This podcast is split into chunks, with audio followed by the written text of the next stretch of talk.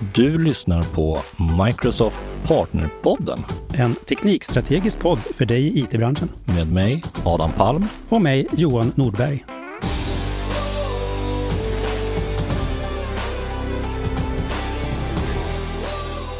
Hej och varmt välkomna tillbaka. Uh, idag blir det ytterligare en episod om säkerhet, men innan vi släpper på dagens gäst, Johan, hur mår du idag? Jag mår rätt bra. Uh, mm. Fullt upp i januari, nu kör vi februari.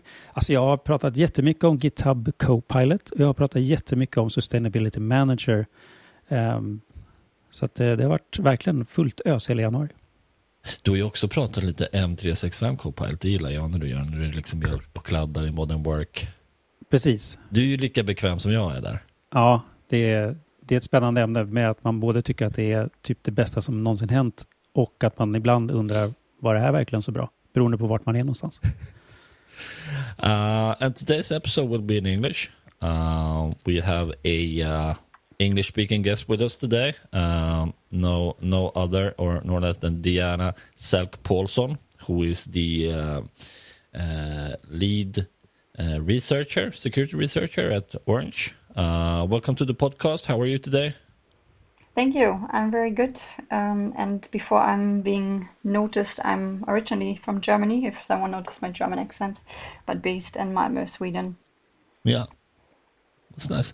And uh, tell us uh, a bit about yourself. Uh, you, you, work as a, a, lead researcher at Orange, uh, and uh, yeah. you from Germany and live in Malmö. And uh, exactly, I've been joining the company seven years ago.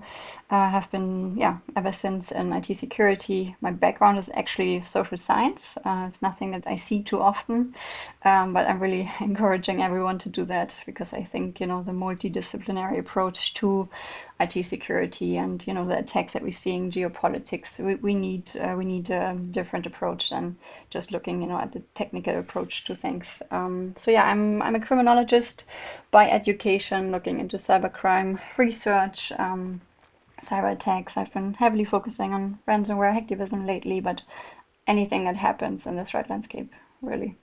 Yeah, and uh, when we record this episode, it's just uh, it's a two weeks out from the uh, from a ransomware attack that happened to a Swedish uh, system integrator, uh, which was indeed a ransomware attack. And uh, you've been doing a, a, lot of work on ransomware extortion, as you mentioned.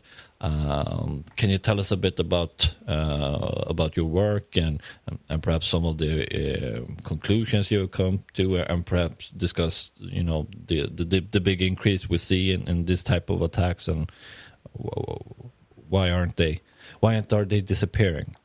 Yeah, absolutely.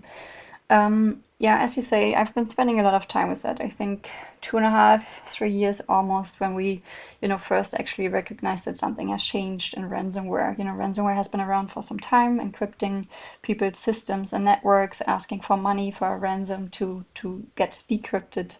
Um, but in 2020, something changed and added another layer of extortion, and that's you know referred to double extortion, um, where data is actually um, exfiltrated, downloaded, uh, and then the data is uh, taken hostage, uh, and ransom is asked for that. So we actually see a few operations now that don't see the need in encryption any longer because the data is so valuable to us these days. You know, it's a technological um, change or development that we've been moving towards to, and we've you know become more and more digitalized. Um, that data is already enough to to get the same amounts of ransom than encrypting. So we see both, and um, I think we we've been trying to to kind of define that differently and not just calling this ransomware, but using a bigger term like an umbrella term, uh, calling that cyber extortion. So I'm going to refer also to that mostly as um, cyber extortion, since we see both both outcomes, uh, encryption and data exfiltration. Um, we are, like many others, uh, monitoring the dark web uh, we scraping you know victim data from there but i think what's a bit unique to us is that we really spent a lot of time with the victims. We're researching the victim and we've built a very big data set um, on victimology of that threat. Um, because we think if we if we somehow attempt you know or try to understand who the victims are maybe that can give us good insights on you know how we can prevent this or defend against that uh, you know in the present and in the future um, so we've been collecting over 10,000 victims since the beginning of 2020 and you know that's a partial view. It's the end stage. So if you, if, if you think about you know a kill chain actually a lot has to happen you know initial access has to happen reconnaissance lateral movement until someone really ends up on those dark web leak sites meaning they haven't come to a, to a, a conclusion with the with the threat actors and um, they are being exposed and shamed you know on those dark web leak sites. And this is what we're collecting.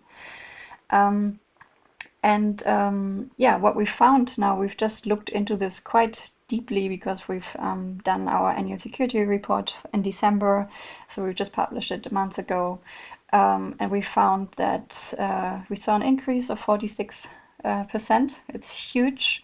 You know, in in 2022, uh, we we had hopes. I think like any other in in the security community, we thought, okay, maybe we're getting you know better and defending uh, against this, um, less ransom payments, less willingness to pay.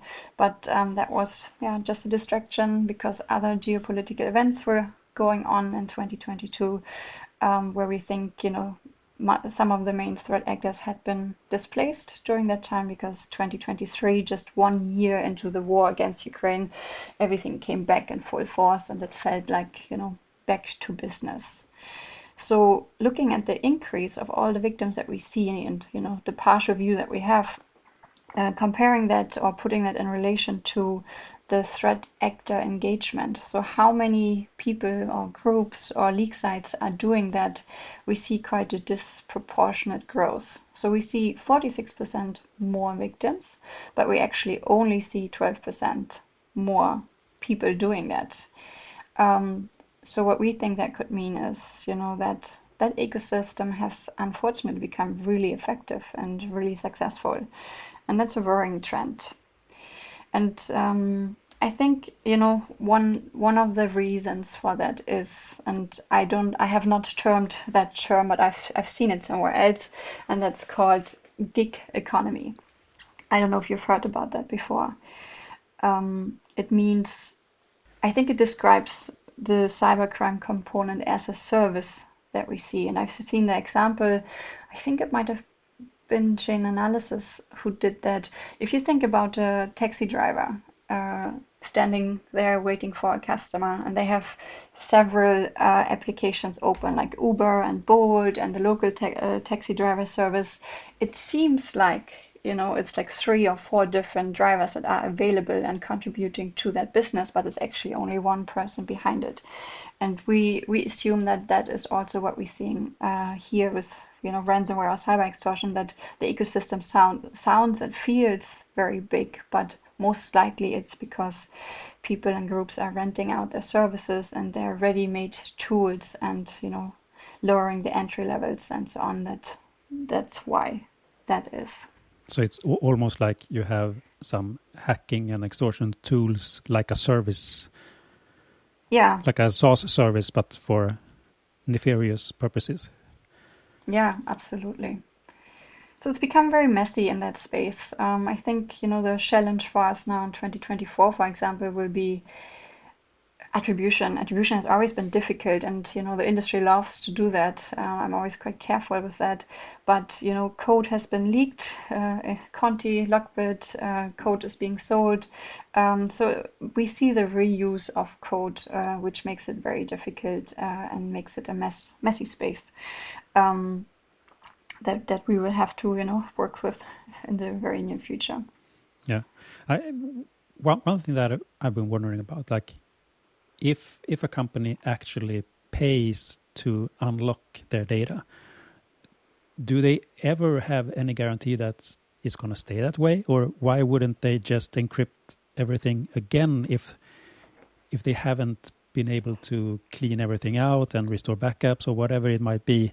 I'm, I, I guess there they any business ethics in this. Yeah, yeah, exactly. I mean, like yeah. the reason for them paying is that they cannot restore their systems. I guess so.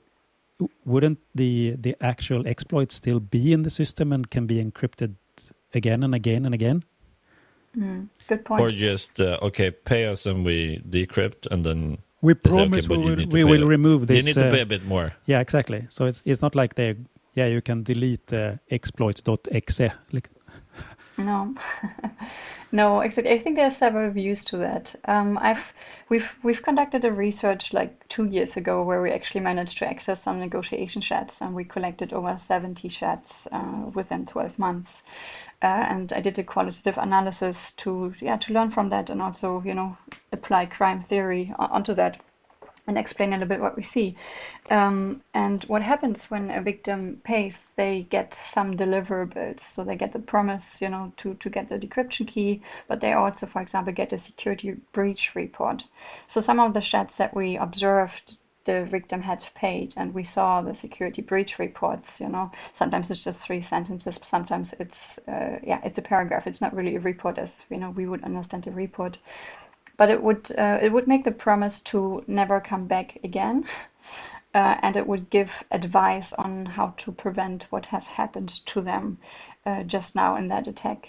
But you know, since I mentioned the the kill chain in the beginning, and you know we have different actors actually doing different stages of an attack.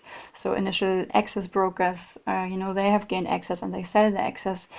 Never guaranteed, as you say. There could be a backdoor. You know, the access could have so, have been sold to several uh, threat actors. The threat actor themselves could come back. So yeah, it's it's a very tricky thing, and I I think and I hope that you know the decision to pay a victim is a pure business decision um, because we need to be, and I think many are aware that we are fooling and um, um, f- funding a criminal ecosystem that has exploded and it's very hard to meet. You know, us as a private sector, we, we almost can't meet them, you know, the resources they have and, and, uh, in, in people and in uh, technical uh, developments and also uh, law enforcement. You know, it's very difficult for them to, to keep up with that. And as long as Yeah, we I- them. mm. And I think that's something um, very interesting, and it's something uh, I usually think about because, um, you know, when there's whenever there's a, some sort of attack or cyber attack or something, it's usually uh, sometimes they give themselves up, saying, you know. Uh, Mm. it, it was us, uh, um, but but usually it goes quite quick to identify who it is. Like, is is this a group or wh- whatever my organization or, or whatever you want to call it? But rarely someone is getting charged for anything, or at least that's my feeling. Is it, doesn't feel like we're catching these guys. Uh, Yeah, I, that's a super interesting question, we've actually looked exactly into that um, in in our latest report. I've been I've been involved in that because it's a it's a question that I'm really interested in. You know, from a criminologist uh, point of view, um, you know, looking looking at ransomware and cyber extortion uh, as a crime, not as a technical problem only. Um, you know, we have several theories actually in my field. You know, to explain crime. Why do we see it? Um, and there's one that we've been applying to that looks at three components. You know, why does a crime happen? And for that, we need to have a motivated offender, we need to have a suitable victim, and we need to have a capable guardian. So now, if you think about crime and a capable guardian, um, then we think about law what, what does that mean? Uh, just before you explain capable capable guardian, what does? Um, it means that someone needs to protect us, and that can be a person or an Ah, okay. So if you if you think about offline crime, that could be a fence, a security camera, uh, or a person being home. So if a person is home, then no one would actually enter that home because it's not an unprotected space at the moment. But if we think about an unprotected space, cyberspace unfortunately represents that in, in many minds, you know, um, because it's a difficult space to to protect. You know, who who does that? Uh, and then again, guardians come into play. So in cyberspace, you know, a guardian could be, of course, law enforcement. So if we look at crime, if a crime happens, we we usually go to the police and say, you know, a crime had occurred, uh, please help. Um, but it can also be security controls, technical controls, and it can be people like, you know, defenders, but also ordinary people and, you know, um, our practices, our cybersecurity practices. Um, so we, we looked into why, you know, why are we still seeing so high numbers of cyber extortion? Why has it been so successful? And what are the guardians doing in that space? And we focused actually on law enforcement uh, and government. Um, and actually, my feeling was that we've seen much more than we used to. Um, so we, I, I ask around a little bit of people that I know uh, through LinkedIn, uh, you know, that work in similar uh, themes and, and spaces if there is a data set uh, that you know collects collects all the actions that has been taken. But I haven't found anything. So we actually built our own together with our CERT uh, team. Uh, and we have collected a little bit over 100 actions. And we've just you know we've just uh, scraped all the news coverage that would talk about an attempt to disrupt or address a cybercrime so, and from the last two and a half years, so 2021, 2022, and then we looked until the first three quarter of 2023, we found, I think, 102 mentionings. And those ones we looked closely and we filtered them a little bit whether or not that was an actual cybercrime action or not by law enforcement. And we um, we looked at two things: the type of cybercrime they they would want to address with that action, and then what was the action. So, you know, the type of cybercrime could be cyber extortion, ransomware, it could be fraud, for example, um, and then the type would be, you know, arrest, uh, takedown, for example. So then we actually saw that, you know, over the last two and a half years, we've seen quite a lot of activities now uh, in 2023. It started by the end of 2022. We also saw that cyber extortion was the most addressed one that where, where they have you know done some activities um, but we saw that the actions that they've been taking to, to achieve their goals were arrests. I think 40% uh, were arrests of individuals.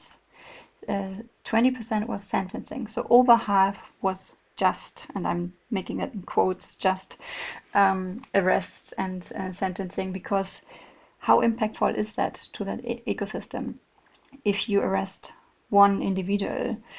Uh, and then it takes a very long time. You know, uh, I think uh, I've just come across a news coverage now on the 25th of January, um, where there was a joint uh, action done by Norway and Germany and France and other other countries that was initiated in 2019 where they dismantled a ransomware group in Ukraine, actually. Um, they had the first arrests in 2021, and now in 2024 they dismantled the group. Four years later, after initiation of that activity, it shows, I think, the challenges, you know, for law enforcement to take that long, long time. So, and are we are we not proper properly equipped to deal with this type of criminal criminal activity? Like, is is is that an issue, or is it is it resources? We don't we, we lack the resources, or, or governments lacks or, or mm. um, authorities lacks the resources to handle it, or yeah, it's a good question. I have a few theories since I don't work in law enforcement, um, but um, you know. I think, um, of course, they they bound. They have limitations. You know, they have limitations to what they can do, and what they need to um, uh, take in consideration. I think resources, as mentioned before, is absolutely a problem. The nature of cyberspace and anonymity, um, how threat actors are protected, how cooperative countries are to, to help um, find them. And I think, uh, you know, seeing that we actually see more activities in the law enforcement space, but then looking at, we don't see effectiveness of that yet. Uh, because we see you know, all-time high of, of victim numbers uh, yeah, means something. And I think law enforcement uh, has shown some capabilities. One of them was actually last year, one year ago, when Hive, uh, the Hive operation was taken down. I don't know if you guys remember that. Yeah, yeah. Yeah, it was one of the first very impactful, you know, hacking back offensive action by them, where they've been, you know, in, in Hive's network for seven months, I think it was, uh, without them knowing. And they've actually helped um, 300 ongoing uh, attacks, and they've had also, I think, 1,000 uh, victims that were already victimized. So that gave us a number of 1,300 victims for the Hive operation. And we've been tracking Hive since the very beginning. And again, we only track the ones that we can see that are visible to us. Yeah. So we only tracked actually 210 it was. So now we knew that the dark number for this specific operation was actually five times higher as of what we knew. Yeah. I mean, imagine that. You know, we've we've collected 10,000 victims since 2020. If that's four or five times higher, then yeah, exactly.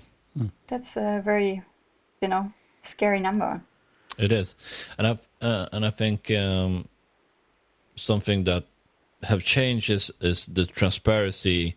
Um, when you are a victim, it seems like um, it's okay now, or or okay is, is the wrong word, but but organizations um, usually go out and tell the public that we're we have an ongoing attack or we've been attacked and you know uh, the transparency is a bit different now. So hopefully uh, surely the, the, there's a there's a huge number that we don't know about but but hopefully uh, mm. people are a bit or organizations are a bit more transparent yeah, uh, absolutely. I mean, that's that's such a good point. And I think in Sweden, for example, you know, mandatory reporting would help so much. And I think in Sweden, it's only the public sector um, that that has to do that. And you know, I've I've looked into that because we looked at um, law enforcement activities, but we also looked at government activities, responses, and it so happened then when we were writing that uh, report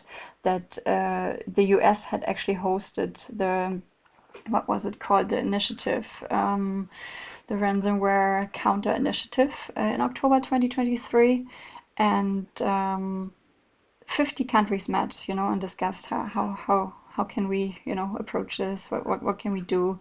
Um, and 40 countries actually agreed uh, that they would not use um, public funding uh, for paying. But the thing is that the issue is not of course it's impacting you know the public sector and public administration but it's it's a problem for the private sector mostly. You know private organizations are the ones that are impacted the most and they have been you know since four years now and we haven't actually seen enough enough um, actions from from governments from law enforcement to to really help and support there. And i i know that there are others like RUSI um, in the uk they are also looking looking into that and saying, you know, this is this has become a problem for national security because it's been so impactful, and um, governments until now have have looked at this as an IT problem that needs to be solved by by people and organizations that can actually uh, afford uh, to to buy themselves or manage themselves cybersecurity practices.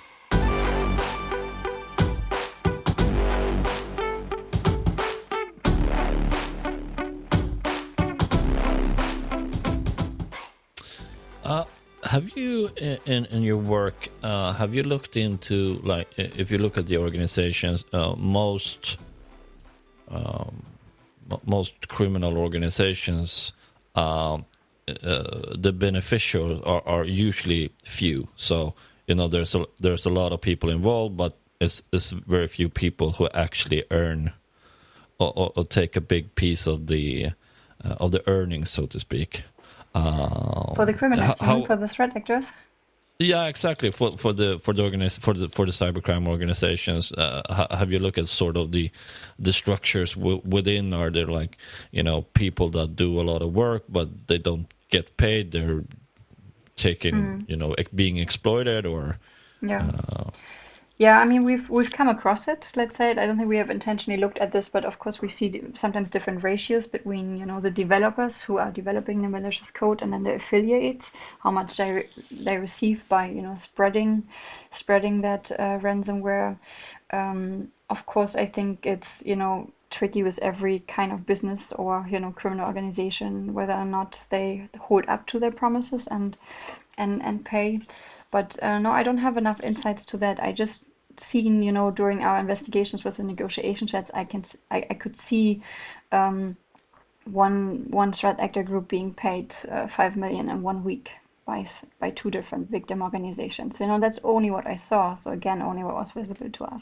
It'd be, interesting to know like how that money is distributed within the organization. Like, is there's if you take uh, drugs, for example, if you're if you're uh, mm. someone selling drugs on the street, you usually don't get paid yeah. a lot, so I think to I've speak. Seen like 80, uh, the, the stake is ratios, for example, but it really depends on the operators, and so many out there now. No? I mean, we have 54 groups been active within 12 months. We've been looking over 80 groups by now that have been doing that since the beginning. So it's it's so flexible that ecosystem moving so much um, forward. There's actually also one thing that we that we looked into the you know the threat actor movement. 2023 has been feeling so so busy, you know, like oh no, we need to remove them. Ah, there's a new rebrand. Oh, there's a new group popping up where we don't know any any connection to to others, and we've actually looked at the actor lifespan. Um, how old do those groups get? Because they've they've been feeling very short-lived, like the the the life cycle um, of some of the groups or some of the sites have felt very short. And we actually saw that uh, over 50%, so over half of the groups we've been monitoring since the beginning, have not lasted longer than six months. Um, and that, you know, that is very interesting because law enforcement or any other guardian uh, in that sense, it's very hard to, to react on that that quickly. You know, six months probably need to pass until you realize that that is a problem. Uh, and then you can start, you know, initiating some sort of inve- investigation depending on you know where you're sitting so six months is very short to really react on on specific groups and take them down and arrest them but uh, so you it, it becomes really important to understand what are the actual individuals within these mm-hmm. groups mm-hmm. and exactly get after them because again gig economy they're probably doing several gigs at once. Yeah, um, yeah so yeah. And I, I can also imagine that the the trust between the individuals within these groups are pretty low because I, I mean if you're doing these kind of mm. things can you really trust the ones not to sell you out and yeah. Mm. yeah exactly. It's financially motivated so i guess the money determines where your lo- loyalties are. Exactly mm. yeah and, I, and I, I, I would like to linger on that because that's the question i want to ask so the financial motive is of course a huge one there's a lot of money to be made uh, but are there other motives? You know, are there? I think in East against West. You know, mm. uh, you were talking a bit about uh, the, the, the geopolitical landscape there within right now. Is this? What are the the other factors, uh, or are there money alone? Is this the only? That's. Uh, I'm very excited about that question. um, because I think it's become it's become more interesting in this space, and you know, from an observer point of view, of course, uh, from a research point of view, um, because I think until let's say, yeah, before the war, actually, before the war against Ukraine. Um, we we would say they're purely financially motivated, and they would say that as well. I remember DarkSide, one of the groups um, back then, you know, the Colonial Pipeline. Um, they would say uh, we we are purely financially motivated we apolitical like we don't care about countries and politics and we don't want to get involved but then the war happened and uh, yeah conti conti became very opinionated and you know took sides uh, which backfired and you know the conti leaks happened. Uh, and since then we've seen that more. Um, last year we did uh, we did a report just purely on on cyber extortion ransomware.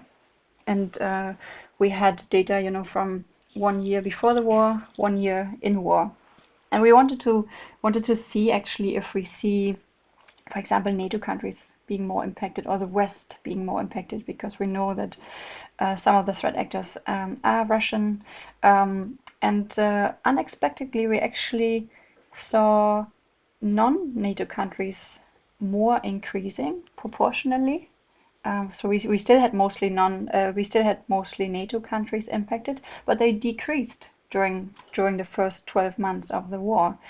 Um, again, we think you know threat actors were misplaced, uh, and now in after we've seen 2023 happening, we actually feel uh, that we've come back. Uh, it, it's almost as if some yeah something happened. Of course, the war against Ukraine happened. Some pausing or some limited resources have happened and now we're back to from before war and we see the same patterns again. English speaking countries more impacted. Uh, we see the typical pattern of volume over the year. So from january to december we see uh, every month every quarter more. Uh, we've seen exactly the opposite in during during the first year of, uh, of the war against ukraine. Um, yeah, and uh, we've been looking into how can we explain, you know, how, how can we explain this? Is it geopolitics? Is it geography? Is it uh, wealth, for example? No? And I think wealth and the number of businesses registered in a country still play a really big role in victimology. So, of course, we see the most wealthy countries being represented in our victim data, so so that makes sense, except two exceptions, and that would be China and Russia. So they have big economies. Um, they have high high numbers of businesses registered in their countries, but they're non-existent, almost non-existent in our victim data. So that says something as well. You know, who who do who do we don't see in our victim data? Yeah, exactly. Mm-hmm. Yeah. Um, and I can, then, I, I can imagine that mm. if you are a, a Russian hack group, you expose yourself a lot more if you commit a crime within Russia. Yeah. And if you commit a crime in Sweden, Russian authorities won't care as much. Mm. Yeah. yeah. but I also think if you take the, it would take the war for example. I mean, uh, so attacks against Russia uh, executed from groups within Ukraine is something that you probably should see quite a lot of, I guess. Or is that the case? Or which ones again? Uh, that uh, uh, groups located in Ukraine uh, execute attacks against Russian companies or go or, yeah exactly. I think yeah. I think then we're entering hacktivism. Yeah. Yeah, exactly. And um, I was also just going to jump a little bit towards that when you ask about the motivation, you know. So we've seen first we saw only financially mo- motivation with cyber extortion, then it became more political with the war, war and the same also goes for um, the surge of hacktivism that we've been seeing, and that's yeah the second area of, of my interest uh, right now. Uh, and I think many are observing that because it's nothing that, that you can ignore. You know, it's it's felt in the public actually um, the hacktivist activity, and again, it's uh, it's an interesting space to observe. So you know, the, the war began uh, and Ukraine, uh, the digital minister, uh, the minister for digital transformation, transformation in the Ukraine actually called out for help. And I think um, simultaneously, Anonymous, the famous or infamous uh, um, hacker collective, also declared war on Russia, and both of that surged waves of, you know, um, individuals joining joining that fight, and you know that went both ways. It went pro-Ukraine side, but it also went to the pro-Russian side, and uh, we've seen, um, yeah, we've seen a lot of activity there, and I think it's um, it's concerning because more and more civilians are joining that fight, and it's a it's a phenomenon that we we haven't seen in, in that volume. Um, and there is a publication that uh, was um, was done by or was published by the International Committee of the Red Cross. They observing, of course, that as well, you know, for, for the humanitarian um, sake of it. And they have published the eight uh, rules for civilian hackers engaging in war. Uh, super good publication, right on spot. And, um, you know, re- reminding everyone that you know if you what, what, does it mean engaging in hostilities and, and war um, uh, reminding uh, you know if, if you do that you become a military target for example uh, reminding nation states also not to engage civilians uh, or not to encourage civilians to do that and reminding them that there is international humanitarian law in place. Yeah. Very interesting and very important conversation to have there. Um, so we do we also, see any of these hmm? groups in sweden yeah, exactly. Uh, we I actually became uh, interested in that topic because you know I'm based in Sweden. Uh, we have a very large presence here in Sweden with Orange Cyber Defense, uh, and I, I got a lot of requests uh, last year one year ago, uh, in January last year. And I started an investigation that I concluded by the end of last year, and it was just, yeah, very a very interesting narrative or observation that we made. Um, so we started to to see that Sweden and Denmark, so the Nordics in general, were, were quite impacted by some of the activist group, uh, which we classify as um, pro-Russian acting.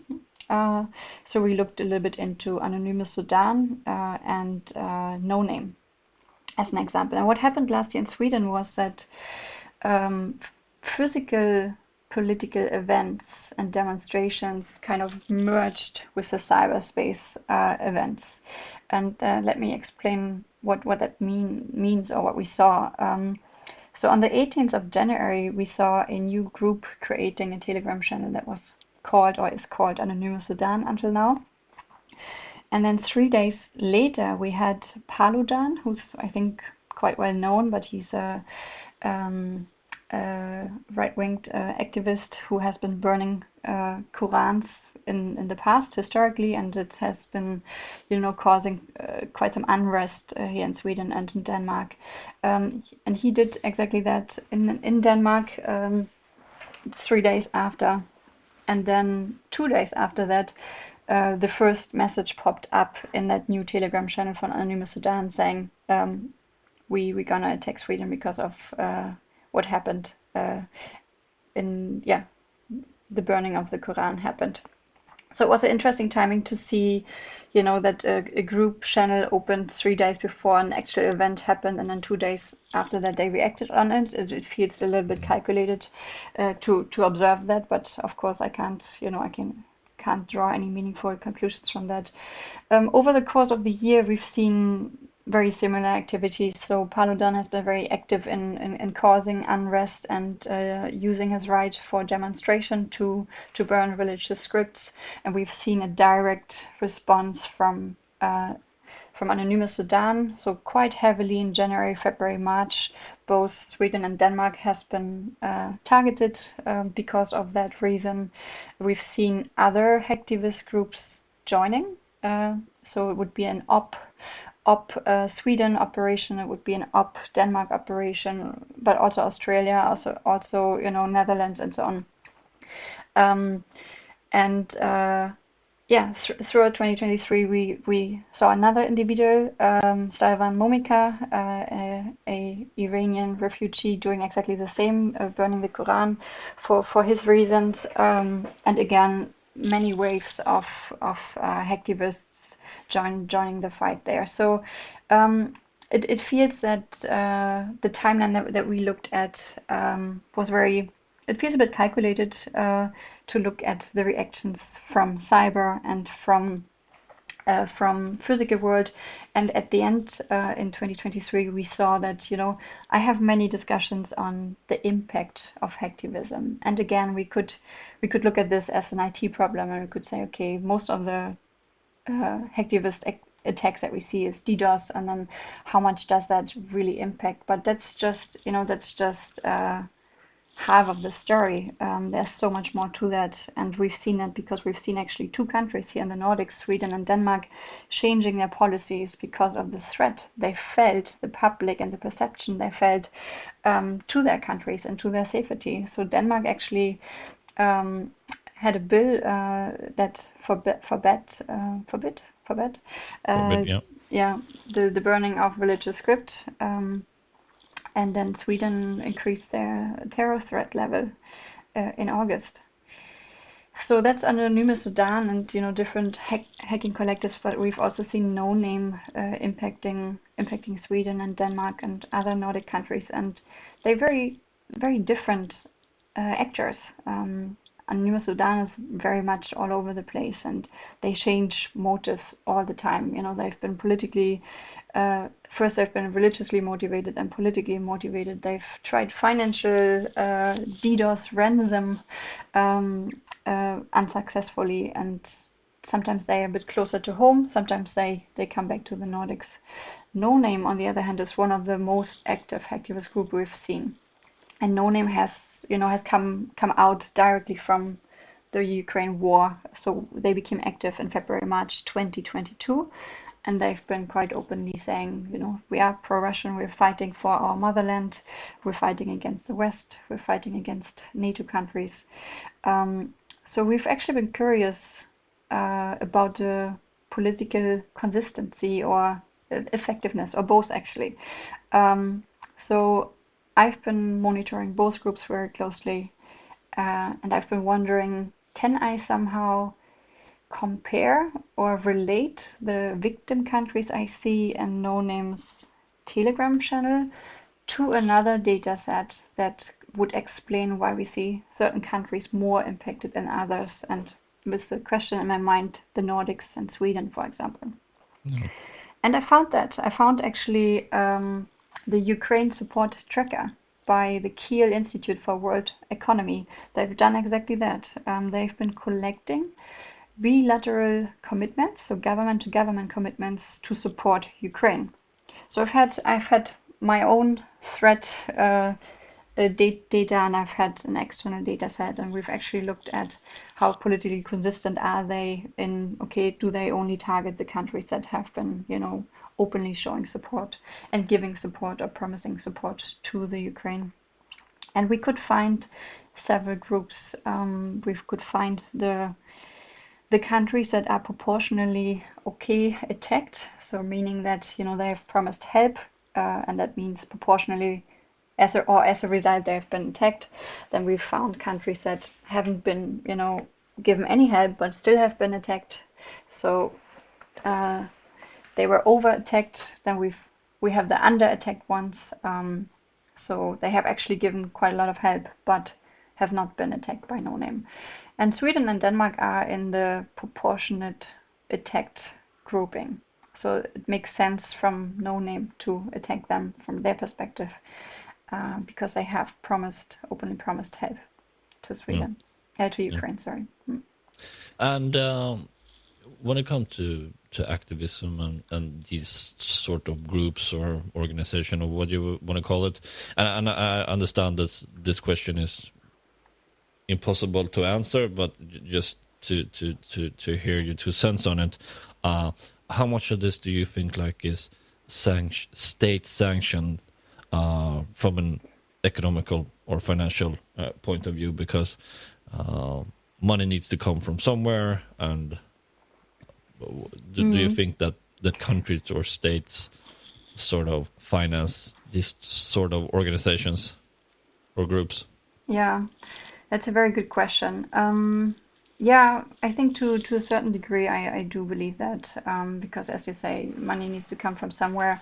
But my my observation is actually that we see a lot of non-state actors joining, you know, and then that's the problem of civilian hackers joining um, uh, hostilities and, and war and conflict. Uh, we see actually No Name who has um, who has done a, you know, the DDoSia project that, that they work with uh, is voluntarily based.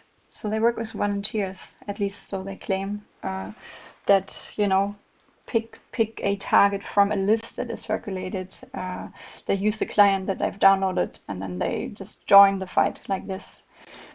But then, of course, we have other groups that seem to be more sophisticated. And I'm just starting to look into this myself because again, is is there maybe a line that we need to draw between, you know, hacktivism against IT, hacktivism against OT, and then for both also, you know, the cognitive side of things. Like, no matter how the impact is, hacktivist activity has been so um, so powerful that it has actually shaped public perception, and it is an information war that, that we are in right now and have been for a while.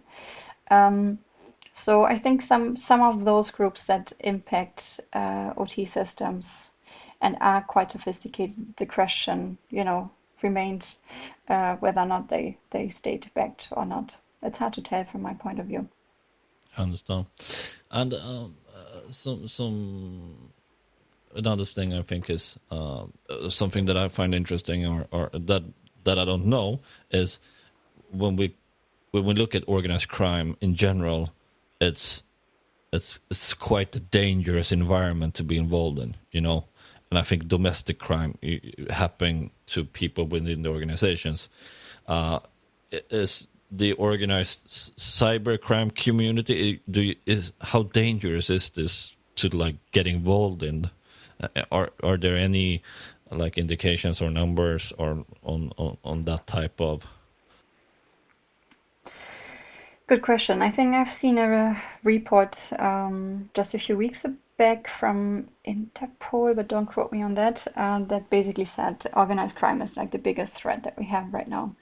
And then especially organized crime in cyberspace, you know, I mean, uh, is something that we, we we almost can't measure you know since we we don't know. We have we have some glimpse of of things and and we make conclusions from that but it's very hard to tell. And i think looking at other forms of crime that are organized that you know were first offline and and fought very well but then the internet happened and cyberspace happened and they just exploding now it's just um, it's absolutely a threat for us now in the future. And uh, it, it it gives us i think it gives us the message that you know if they organize themselves so should so should we you know and i mean i've been working in the private sector now for seven years but i, I have this urge and so so does you know Orange Cyber Defense to to really collaborate with private private collaborations private public collaborations because it's something we need to do they organize themselves and and so so we do uh, so do we hmm. uh, so uh, time is running out here. Uh, it's been super interesting to to to, to speak with you, Diana. Um, we are going to put a link to your report, uh, the uh, the annual security. What what did you call it? it? Was not the annual security report. It was. Yeah, it's it, it's an annual security report that we call Security Navigator. Security so Navigator. Anyone exactly. who's interested in the topics from today, there's a deep dive in there. Yeah. And perhaps the the Red Cross uh, information that you referenced to would yeah the eight rules for civilian hackers if you, if you google that or search that online um, there's another one i wanted to actually also uh, reference and that is by monica uh, Kello, if I pronounce her name right, in Binding Hooks. Uh, and she just wrote on Russia's strategic culture drives foreign hacking. So she looks into, you know, the foreign cyber operations by Russia and looking at the cultural aspects uh, and why that makes sense. Great, great publica- publication as well. Uh, great stuff, uh, Diana. Uh, thank you so, so much for joining us today. Uh, it's been super interesting. Uh, we hope to get you back some uh, someday. Yeah, thanks for having me. Yeah, and to everyone that listen, big thank you, and catch you next next week. Du har lyssnat på Microsoft Partnerpodden, en podd om Microsoft Sverige med mig Adam Palm och mig Johan Nordberg. Som vanligt hittar du länkar och resurser på aka.ms partnerpodden. Maila oss gärna på partnerpodden at microsoft.com.